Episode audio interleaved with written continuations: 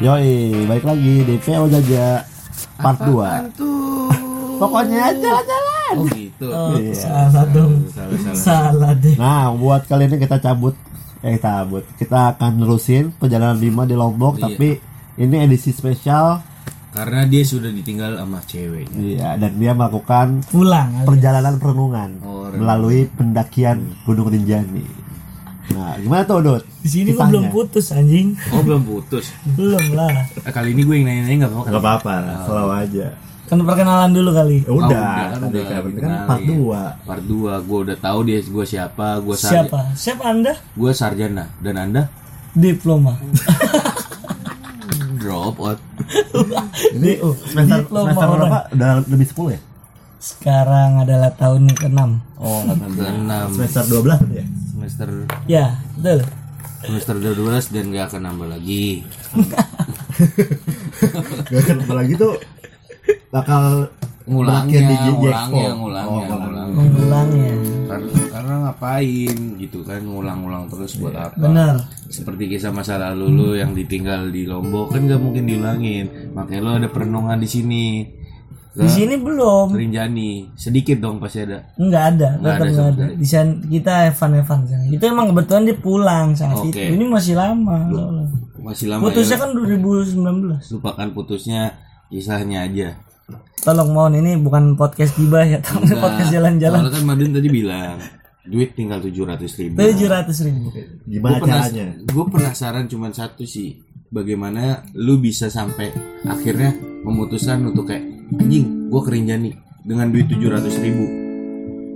Gimana sih kayak akhirnya lu bisa pede dengan pedenya? Aku kerinjani deh tanpa harus lu mikir panjang tujuh ratus ribu itu gue nggak tahu deh gimana pulangnya. Eh, Kenapa bisa lo BM banget? Lagi. Kenapa lo bisa BM banget? Nggak BM sih sebenarnya gimana BM banget enggak bosnya udah anjir lebar nih mong. Kalau kita udah di Lombok gak kerjani Iya itu dia kan Enggak dong, di- itu bukan dengerin dulu Eh, lebar, penjelasan eh, gua. sayang sayang Lebar apa apa ya? Iya. Lebar. Lebaran. bukan masalah sayang gimana cara memutuskannya dulu sih. ya gimana caranya mungkin di tengah Kalau ke- keputusannya itu jadi sebenarnya jadi sebelum niat awal berangkat itu dari Jakarta tuh emang si siapa? si orang Banten ini si Camong ini. Baduy Ah, ah, emang dia udah emang dia udah sengaja bawa madu. Enggak, maksud gue dia dari Jakarta emang udah niat buat naik Gunung Rinjani. Karena karena kita tahu semua ya Lombok terkenalnya di gunung apa? Salah berapi satu daya tarik. tertinggi Ah, ah. salah satu tariknya kedua di Indonesia ya kan itu Rinjani. Dan waktu itu udah udah ada film Romeo dan Rinjani kalau nggak salah. Romeo and Rinjani nggak ada? Nggak ada ya? ada Jani and Jani. Oh iya Radit dan Jani. Radit Rinjani. benerin gue dulu dong. Jini oh Jini. Gini, Jini itu hero gue dong. wow gue tahu. Eh, terus Oke, Nah, pas dari Jakarta emang udah niat pengen buat naik gunung. Akhirnya emang gue berangkat dari Jakarta pun gue tuh udah bawa tenda dan sepatu. Tapi emang niatan awal gue berbeda sama si Camong. Niatan awal gue emang nyampe ke Lombok udah buat silaturahmi aja main-main di sana itu bonus ibaratnya gitu. Dan emang gak ada kepikiran keinginan buat naik Gunung Rinjani. Gue emang awalnya lu- niat Rinjani itu buat nemenin dia. tapi kenapa lu udah bawa persiapan Nah. tapi lu beda lu kan istilahnya di sini lu berjalan bersama bersama-sama kan dari Betul. Jakarta ke Lombok. Tuh. tapi kenapa lu beda visi? Kan di situ ada distraksi kan. Hmm. kenapa yang satu mintanya kayak gini? Nah kenapa akhirnya sampai kayak lu bisa mutusin ya udahlah Eh, Anda diem aja, ya udahlah bareng bareng gue ngikut lu aja ke Lombok deh akhirnya gitu. Kan pasti lu ada be gimana ya?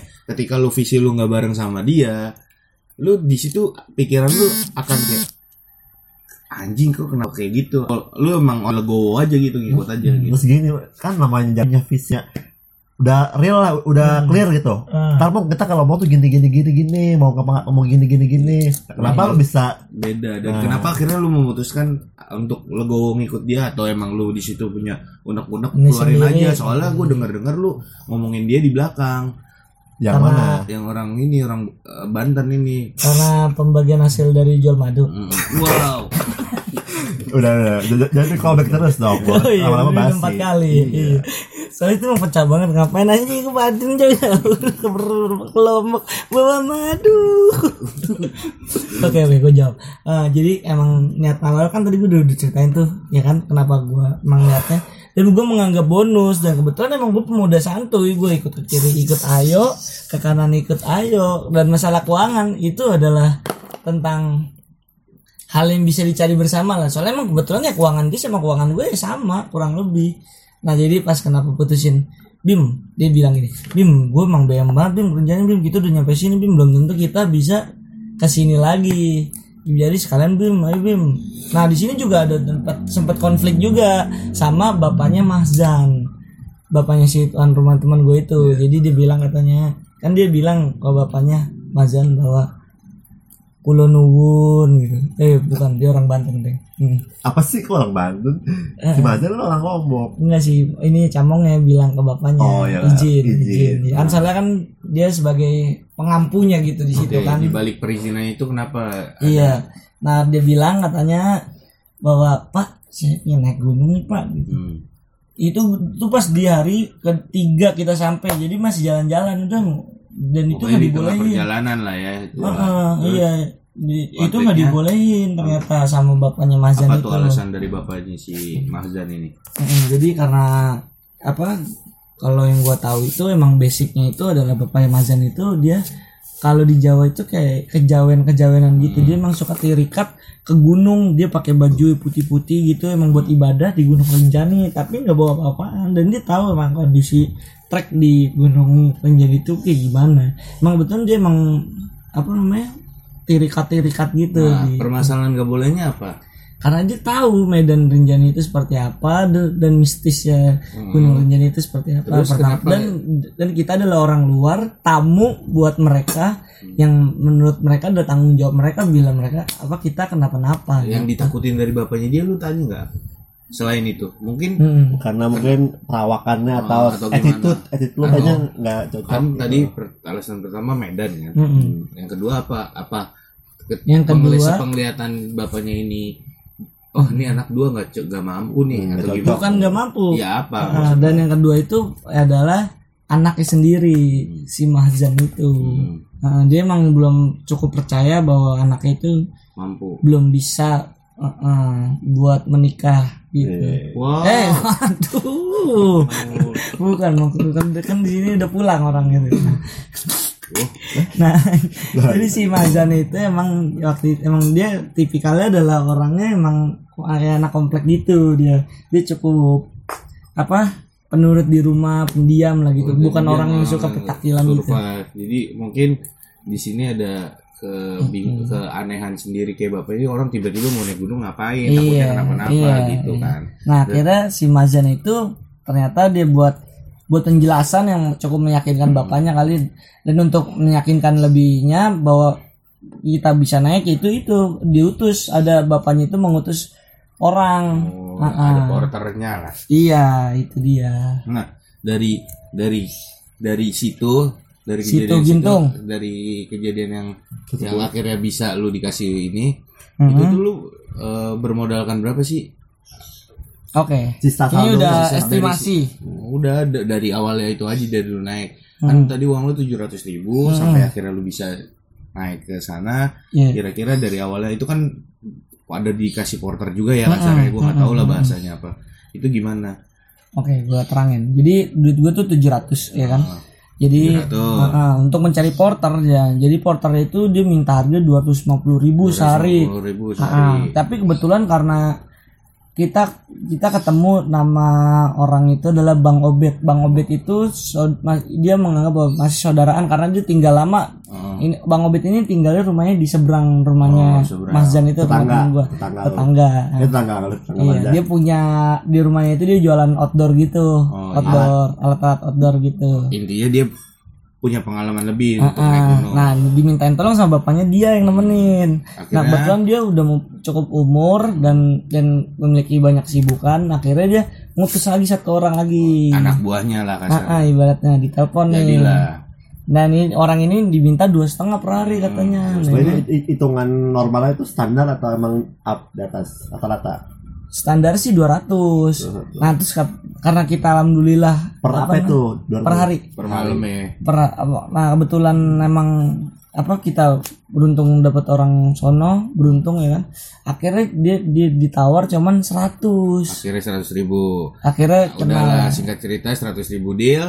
Akhirnya berarti tersi ah, lu berapa hari tuh di sana? 4 hari. Empat hari empat ratus ribu. Iya Itu lu baginya gimana tuh? 200 200 Lu- Mazan nggak disuruh patungan? Mazan gak ikut Mazan anaknya lu- yang ngomong gitu. lu berarti bertiga di situ?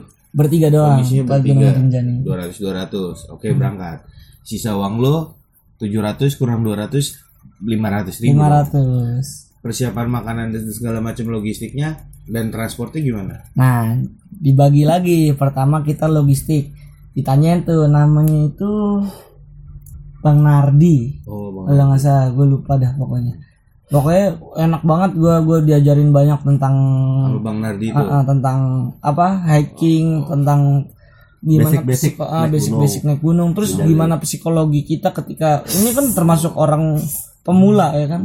Bagaimana cara membangun jiwa dan raga kami. Taruna. Heeh. Sekarang terus Aruna. Nah, nah, pas udah nyam apa udah itu ditanyain akhirnya. main di mana bang Bukan dong. Nardi. Nardi itu. Bang Nardi. oke oke salah Nardi. Dia nanya tuh Denny. nah, pas udah dia tanyain apa namanya? Gimana cagur? Ya. Gimana kalian logistik nih empat hari kalian mau makan apa aja? kan berarti kan tiga malam. nah kenapa tiba-tiba Nardi ada Nardi tuh Nardi di sini Ditelepon di dia. sini dia cuman ngebeliin atau dia ngikut naik juga Porter. Dia kayak oh, dia get Porter. porter. katanya obet Bang Obet utusannya Oh, namanya Bang diutus. Nardi. Iya. Dia ngutus lah si Nardi. nih ini lalu Obet akhirnya ngutus Nardi. akhirnya Rapat nih ada Obet, ada Nardi, ada pisang goreng tuh. Pokoknya sambil Iya, oke ngobrol sama gitu. Nardi dua ratus ribu singkat cerita habis berapa Iya, habis berapanya tuh jadi pertama logistik. Logistik itu gue bagi dua sama dia seratus ribu, seratus ribu sama Camong dua ratus ribu buat logistik. Jadi kita belanja pasar kita mau makan ribu berarti itu. duit lo habis empat ratus ribu Mm-mm. dua ratus buat porter dua ratus buat makanan logistik Enggak dong, 200 Lah. habis porter nih. iya Camong juga 200 400 kan 4 hari berarti. si si ini Porter apa logistik cepet berarti. cepet. oh cepet-cepet tiga cepet, ratus dua ratus tuh semuanya seluruh iya. keseluruhan sampai Nardi Logistik Nardi ber- bertiga. Bertiga. Bagi dua sama camong. Mm, Cepet-cepet. jadi gua keluar 200. 300 300 berangkat lah lu cepet-cepet. transport itu udah dimasuk situ Aduh, berarti kan itu total 400 tuh duit gue ya kan? Iya, Sisa. sisanya Sisanya. Nah, akhirnya y- yang gocap lalu gue panggil emak gue. Non. Udah udah kering semua, Mak. oh iya nah Iya, nah sisa 400. Yang gocapnya itu dipakai buat apa namanya? Si Masi, Si Maxi. si Maxi, heeh, kalau pendaftaran UI. simak UI Wow. wow Pepet sih, pepet. Eh, si gocap itu gue si Maxi kan jadi bayarnya tuh 3.500 per hari karena 4 hari jadi apa 3.500 kali 4 dia hitung lah 9 15.000 lah ya. Iya 15 ribu lah totalnya lah sekitaran 14. 14 ribu. Ah, ah, iya itu itu dia 14 ribu total ti- apa empat hari sana kan karena sisanya berarti kan masih banyak tuh itu pegangan buat di jalan nanti. Nah kita dari rumah Mazan menuju apa namanya gunung kaki gunung Renjani ya kan kita berangkat tuh lewat Sembalun via Sembalun Sembalun Sembalun naik mobilnya Bang Obet. Nah gue patungan sama Maz- sama Camong tuh gocap-gocap buat bensin. Jadi buat Bang Obet juga lebihnya cepet tuh.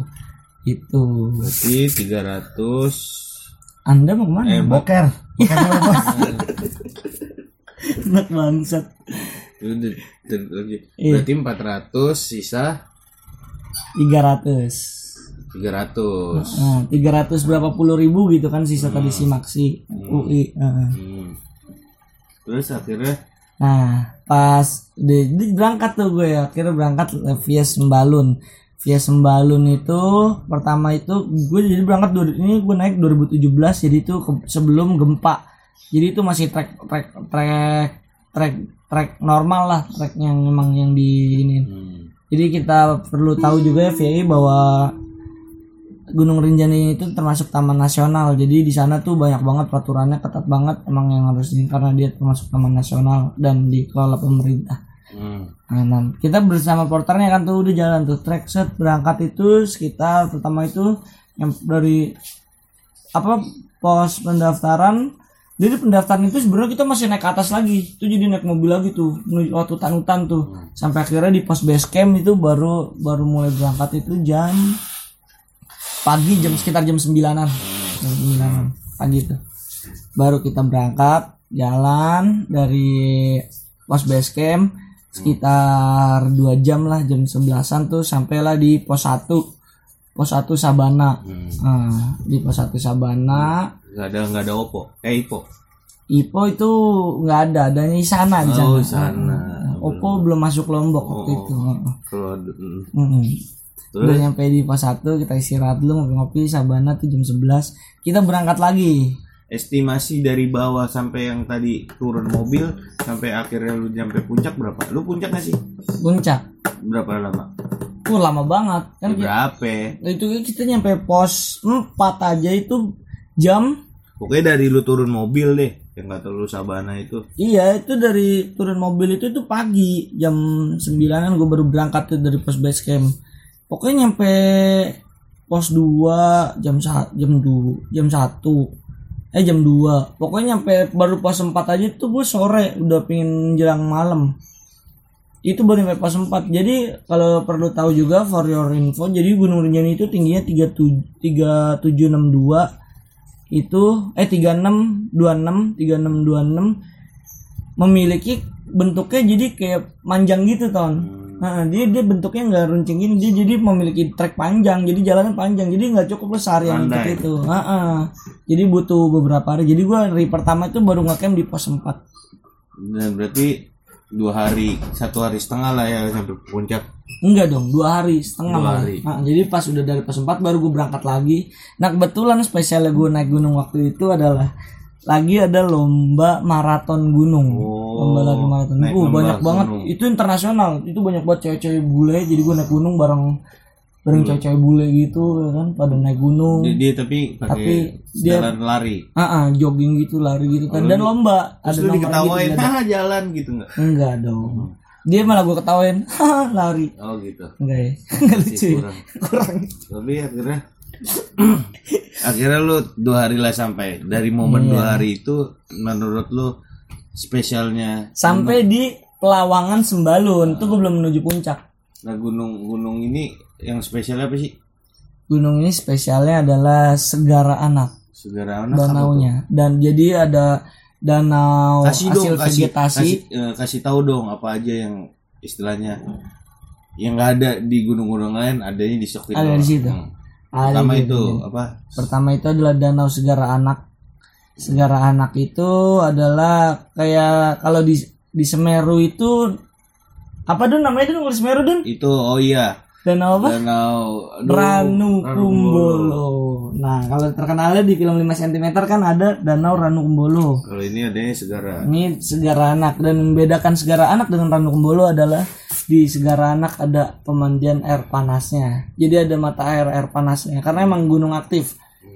Apa Rinjani itu gunung aktif, Semeru juga gunung aktif, tapi kalau di Rinjani ada mata air air panasnya yang jadi kalau seandainya lu pegel-pegel kan naik gunung capek, lu bisa mandi di air panas. gratis Gratis. Mm-mm. ada pantangannya nggak ada mitos-mitos nggak eh itu dulu deh Oh, betul. Eh, apalagi selain itu segara Iya, di Segara Anak air panas dan yang terkenal lagi ada namanya Tujuh Bukit Penyesalan. Kalau mitosnya kalau di Semeru itu kan ada tanjakan cinta yang kalau kalau nengok ke belakang katanya bakalan nggak dapet jodoh. nggak bakalan sampai-sampai. bukan. Waduh. Kalau lu nengok ke belakang mulu nggak jalan-jalan kalau misalkan kalau di Semeru itu ada mitosnya kalau misalkan lu ngucapin satu nama perempuan dan lu nengok ke lu lu fokus ke belakang. depan dan lu misalkan pas lu nanjak lu nengok ke belakang itu bukan jodoh lu berarti. Nah, ya katanya bakalan pegat ya, pegat. Nah, pegat juga sih ya mungkin bukan jodoh lu Iya, entah itu pegat entah itu ditinggal nikah kayak lu kan gak ada yang tahu Wow. Lah, iya dong Iya. Oke.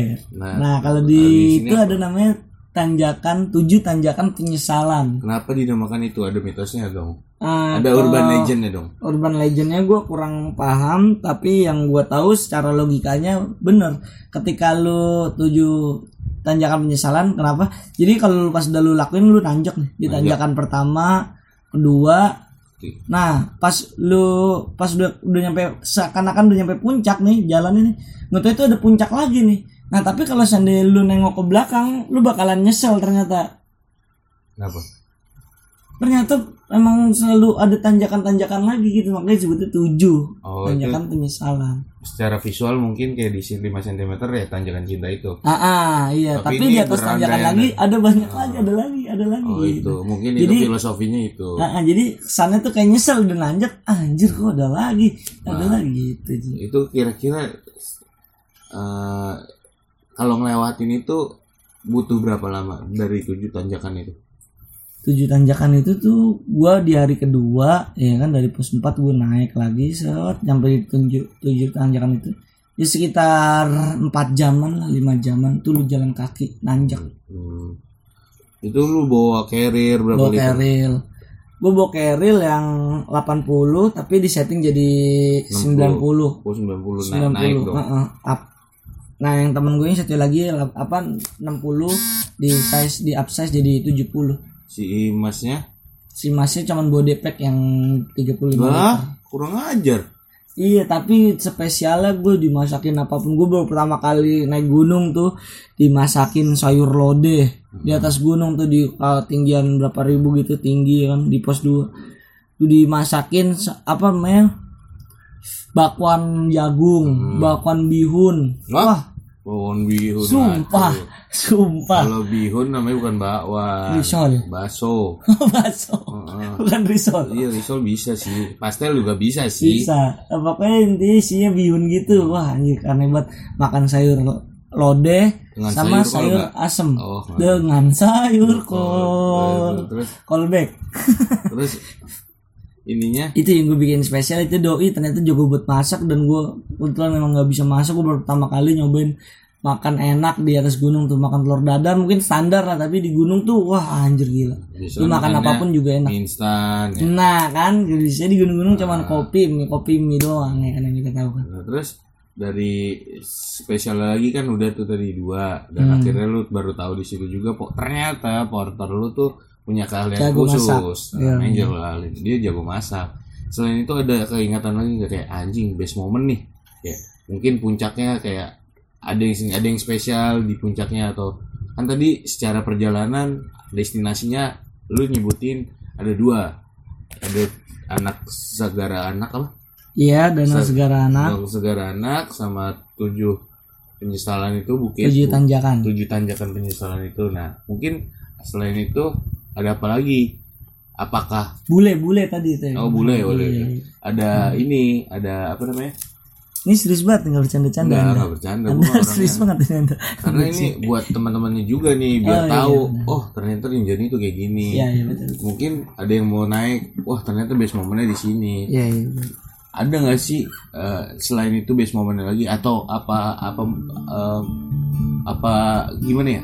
Ini enakin yang ngomongnya secara puncak deh. tidak terlupakan. Hmm, yang ter- terlupakan.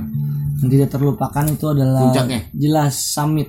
Summit. Ketika summit puncak itu Hmm. kalian akan melihat peak sunrise di puncak tuh tuh bener-bener yang terbaik. Jadi sepu, se- sepulau lombok dari dari puncak Rinjani itu kelihatan. Bahkan gunung Agung di Bali pun bisa kelihatan. Kalau seandainya emang lagi cuacanya lagi signifikan melihat kejauhan itu bener-bener kelihatan ini gua ngomong asli bener ketika lu nyampe di puncak Oh, itu gitu. puncak apa Rinjani karena gue kebetulan kenapa nggak gue lupain gue jalan tuh jam 2 pagi ketika gue anda anda sudah selesai Sudah selesai, sudah lega. sudah ya? nikmat ya Lanjut tadi. nikmat ya Sudah, sudah sampai puncak belum? ini udah perjalanan menuju puncak Aduh, nih udah lama ya? ini di puncak ini yang terbaik ini ini yang Siap, terbaik siap. terbaik Nah, kenapa gue bilang terbaik dulu ketika puncak itu jalan jam 2 pagi angin berembus dari sisi selatan ya kan lu wow sampai apal sekali nggak- Keluar kompas, Pak. Nah, terus kompas Anda. biar lebih dramatisir Oke, biar lebih iya, terus. dramatisir Oke. Ah, ah, oke Itu intinya puncaknya luar biasa karena bisa ngelihat dari beberapa Bukan, karena prosesnya.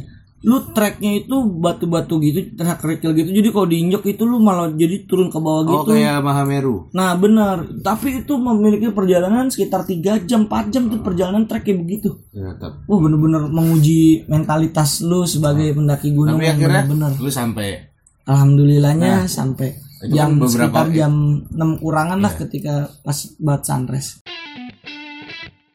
Eh, lu belum ya mitos belum mitos lu? Belum. apa? Ada nggak sih mitos-mitos yang jadi biar teman-teman di sini tahu? Ada Hati-hati. ada berhati-hati. Ada ada. Warning. ada ada kes ada ada apa? Ada momen yang aduh bukan ada tempat yang paling bagus menurut lo dan ada juga mitos-mitos. Jadi kayak ada tujuan ada juga kok hati-hatian gitu buat teman-teman. Ada nggak Mungkin pas sebelum berangkat gue yang berkesan banget. Kan bapaknya si Mazan itu kan emang emang dari awal tidak di mengizinkan. gunungnya kan. gue nggak peduli Iya gua ini peduli. berpengaruh pada nanti perjalanannya itu. Ah, dia kan emang terikat gitu kan, emang Islam Islam terikat gitu dan dan memiliki seperti petuah-petuah kata-kata tuh yang didengar tuh jelek ke hati banget gitu sob. Ah. oke kata-kata mutiara gitu ya Nah, terus akhirnya Nah, sampai akhirnya kenapa gue bilang ngaruh di gunung adalah pertama itu Ucapannya yang paling utama yang gue paling ingat banget tuh. Bismillah. Ketika lo naik gunung apa pun ataupun ke tempat apa pun adalah nomor satu apa? niat. Oh nih gue kira uang. Judi. Wow. Wow. Terus? Nah kenapa niat? Kenapa? Itu bener banget berpengaruh banget. Soalnya ada dalil lah kan. Sama lu bin niat. Ah, ah malu Iya, iya, iya. Iya. Eh, bukan maksud nah itu. maksud gue oke nggak ke situ. oke. oke Maksud gue lanjut ke situ. Ah, lanjutin kenapa gue bilang niat itu bener banget ngaruh banget. Iya, kenapa itu. niat itu? Ya bener ke temen ketika gue naik gunung gue gue mempelajari gue banget. Itu? Gue niat gue buat muncak. Alhamdulillah ny- nyampe ke puncak dan niat gue untuk melihat sunrise bener Iya, tercapai itu kan itu kan secara universal kan, secara umum. Gue pengen yang ciri khasnya jadi mitos apa? Oh mitosnya di sana. Itu tadi tapi kalau ke, ke- kebalikannya Itu tadi apa? Lu belum nyebut? itu tadi kembali niat. Ketika niat lu menjadi buruk ketika lu menuju apa ke maksudnya tempat alam dengerin dulu anjir. something special in Rinjani itu apa? Gitu yang nggak khas pertanyaan banget itu yang khas banget. Yang khas banget. Khas tapi berupa mitos. kalau niat kan Kalau general. Rinjani- kalau kalau niat kan general tapi alhamdulillah gue kalau di sana gue nggak dapat hal-hal mitos itu sih. ada bahasa-bahasa yang kayak petua dari tadi bapaknya si Ah, ah, Ajan ini enggak Mazan enggak? ajan Ah, iya. ada bapaknya misalkan teman-teman gue dikatain semua sama lu maksudnya apa tadi? Jatuh tuh ke dagang Enggak. madu. Maksud lu apa? Nih ini dagang apa nih lombok? Dagang dia. Marjan. Dagang ini kawan mulos. Enggak serius. Enggak, kan ada kalau Rinjani mungkin ada dong pasti lu punya ada mitos kayak lu kayak oh ini yang ngebedain gunung karena menurut gua ada di setiap gunung punya mitos-mitosnya sendiri ya. iya kayak misalkan yang tadi gua bilang Semeru punya mitos di mana kalau lu nanjak tanjakan tanjak cinta. eh, terus kalau lu mandi di apa nggak boleh mandi di mana katanya ada kumbolo kan kumbolo kata itu air suci maksud gue yang kayak gitu-gitu loh ada Oh, sih mitos-mitos seperti Itu. itu. Nah, lu nggak Iya. ngerti ya Ada, pantangan pantangan lah Ada, pantangan ada pantangan gua anjing. Ada, ada. Pantangan itu misalkan kayak lu mandi di segalanya boleh kan bukan di air panas. Hah? Tadi kan lu boleh mandi. Boleh, tapi kalau lu lagi dapet nggak boleh mandi di situ. Kayaknya di kolam renang THB pun nggak boleh. THB di mana, Mas?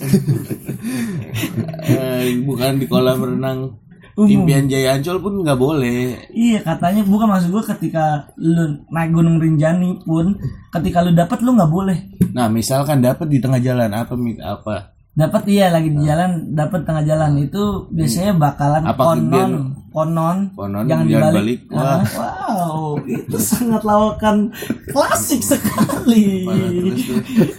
Kalau dibalik jadi, udah udah lanjut Tumpah. Yuk. Ayo.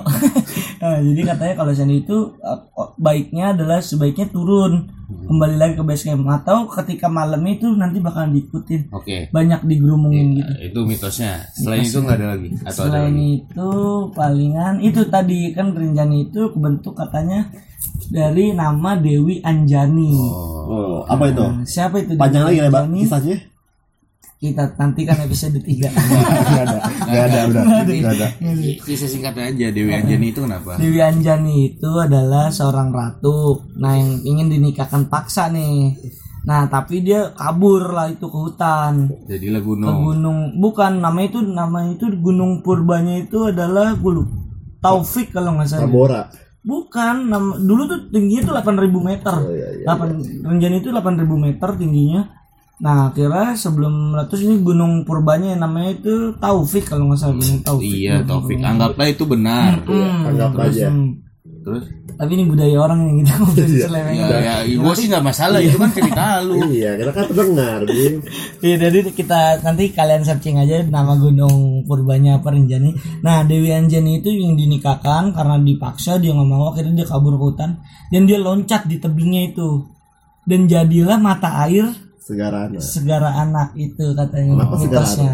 Nah, makanya kalau berbau tentang perempuan dan kebersihan kan kan kalau mens itu kan berarti kan kotor kan kotor kan dapat makanya harus bersih itu dia sangat tidak menyukai Oh gitu gitu gitu. dan Berarti, itu sangat dipercayai oleh warga-warga Lombok ketika lo nah ngomong itu maksud gue yang kayak gitu-gitu. iya Nah berarti war- buat teman-teman yang mau niat punya kerinjani harus niatnya bersih harus niat punya niat pasti bersih dong. Betul. Dan yang buat cewek hati-hati kalau lagi kira-kira kan ada tuh eh, jadwal datang bulan. Ada kok aplikasinya bisa dicek aja. Serius ini beneran ada caranya. Iya. Tapi bisa diprediksi gitu. Bisa diprediksi. ini antara lucu dan dan garing ini Enggak ini beneran ada Iya, aplikasinya. ya, Ada ya. namanya eh, PM eh, per- eh, menstruasi period kalender kalau nggak salah. mantap itu tuh dia punya jadwal di mana kalau lu bisa tahu kapan lu harus Hmm. bulan eh, minggu keberapa gitu gitu ya dan mungkin itu jadi bisa ini banget ya berpengaruh banget dan pertama lu nggak boleh sembarangan juga mandi di air panas itu ketika lu tahu lu nggak bersih Mm-mm. entah itu cowok entah cowok cewek ya menurut Iya. gua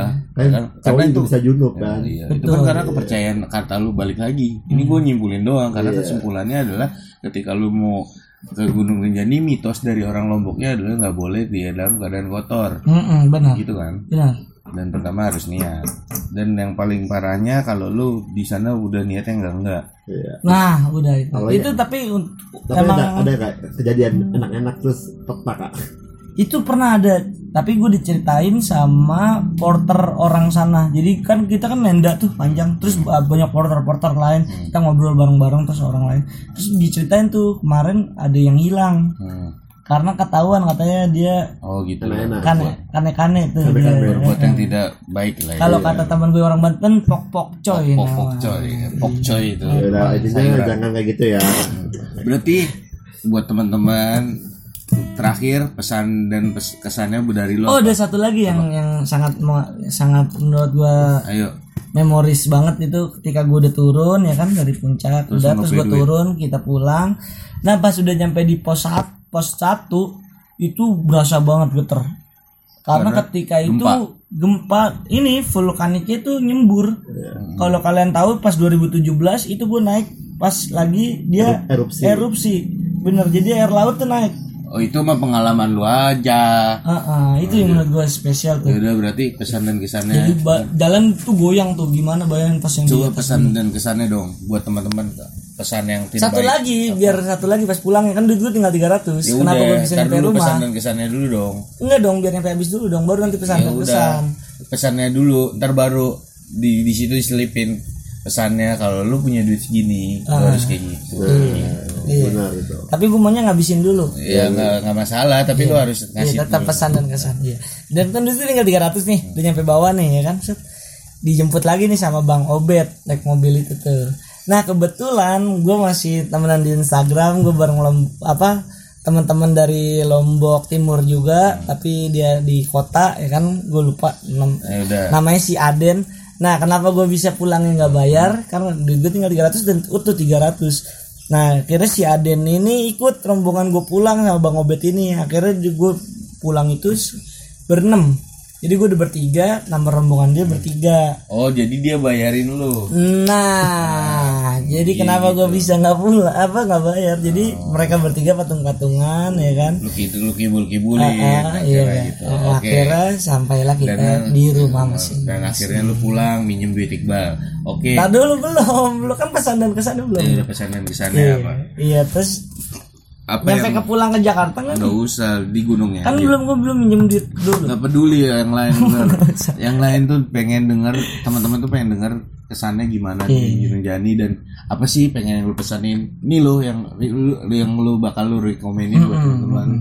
Pesannya sih nomor satu kan setiap orang tuh punya sudut pandang beda-beda ya nggak? Mungkin ini dari sudut pandang gue bagaimana cara menikmati alam yang sebenarnya nih. Ini benar apa gue pesanin bahwa ada orang yang emang bener naik sekedar naik hanya untuk kepuasan diri sendiri ya kan tanpa memuaskan alam atau memuaskan lainnya Emang alam bisa puaskan gila lo ya. Ah, ya tentu dong alam itu hidup Iya siap. It- alam itu hidup bagaimana cara hidup. memuaskan alam kalau nggak hidup Bukan ya. Fetty Vera nangis waduh ada waduh pun Wah.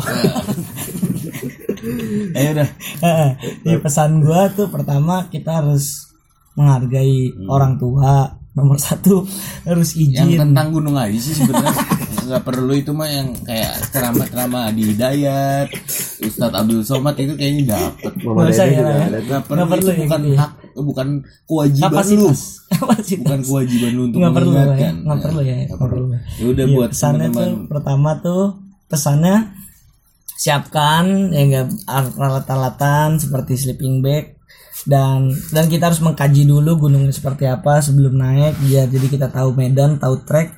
Dan jika emang kita perlu banget untuk mencari orang yang perlu pernah ke sana ya perlu cari seperti kayak Potter itu membantu banget kalau lu naik. Harry, Harry, Harry Potter. Harry Purnomo. Siapa Harry Purnomo? Tahu. Terus? Iya, tanya kesan itu pesannya. Terus aduh, udah persiapkan dengan matang-matang ya seperti yang gunung lainnya. Dan sampah nomor yang nomor yang kesekian. itu Dan- secara umum ya khususnya buat rinci yang kayak sini kalau jadi dan Spesifik. dan gimana caranya bertahan dengan kesabar mungkin kasih tahu dong gimana caranya sabar dalam mer- merintangi rinjani itu kan karena itu panjang tuh nah lu kasih tips Lu lu kayak didayat lu. enggak lah Agim Ini kan deh, tips, Agim. tips buat Oh, teman-teman tips, kalau mis tips. jadi kan mungkin ada yang mau itu tapi kayak wah tinggi nih ya lu di sini nyaranin dong kayak lu harus sabar dan gimana caranya dan gimana cara mengelolanya makanan dan akhirnya lu sampai kesabaran dan mungkin makanan segala macam Logistik. Iya. Nah, ini masuk ke tips berarti ya. Ini tips Tips and tricks. Heeh, tipsnya mungkin Anda di aja Anda tidur tiduran aja Anda. Saya sudah diwakilkan oleh Sudah diwakilkan. Iya. Oke. rekomendasinya gimana Oke rekomendasinya tipsnya itu pertama kalian harus kunjungin Pulau Lomboknya dulu uh, Iya. karena Gunung Rinjani ada di Pulau Lombok. Langsung aja Bim, ini durasi lu gimana sih? Oke. Katanya lo sibuk. Oke oke oke pertama tuh lu harus kunjungin air panasnya itu karena banyak orang yang nggak tahu bahwa ada spot pemandian air panasnya di Segara Anak di Gunung Rinjani itu. Tuh, Tapi emang tempatnya tuh rada terpencil dan emang lu harus naik-naik nyari-nyari itu. yang kedua tapi itu lu harus nikmatin banget yang kedua itu adalah Gunung Merapinya. Ada spot foto khusus memang di ketika pinggir laut Segara Anak yang langsung eh, apa namanya? Kawah. ke kawah gun, anak Gunung Rinjaninya. Dan lu bakalan dapat dapat apa momen bagus banget ketika dia batuk sedikit tuh keluar ngepulin asap tuh. Itu itu yang dicari banget sama penduduk orang-orang. Gunung Rinjani. Nah yang kedua eh yang ketiga itu adalah itu spot puncaknya. puncaknya yang sangat menurut gua tuh itu beda banget sama yang lain. Dia tuh benar-benar pokoknya aneh banget deh ketika lu berada di situ tuh. Satu pulau gunung satu pulau lombok tuh terlihat itu spesial banget menurut gua. berarti itulah saran dan kesan dan segala macamnya yang buat teman-teman yang mu- mungkin punya niat untuk ke Rinjani benar. Itu tips dari lo dan rekomendasinya apa aja. Kayaknya itu harus banget ya ke sana wajib banget ketika lu ke Gunung Rinjani jadi bukan lu sekedar Ketika ke Lombok, jangan melewatkan untuk mendaki. ya Rinjani. tergantung dong kalau itu kan emang kalau buat yang pengen naik gunung kalau ke Lombok sih terserah Oh, iya, sih iya. dia mau mana aja Kalau emang ke, ke Rinjani jangan lupa tadi yang lo sebutin tadi. iya Eh, eh, ah, benar Kayaknya cukup aja ya. Karena sudah mungkin udah cukup Ah. Semoga bermanfaat. Selamat mungkin jalan. bisa disimpulkan anda yang dari tadi tidur tiduran dan berak Saya kan boker tadi. Nah, bisa disimpulkan dulu Nanti bagaimana saya dengerin dulu. moderator Saya dengerin dulu. Ya udah semoga saya bermanfaat. dengerin dulu Selamat jalan. Sampai jumpa lagi.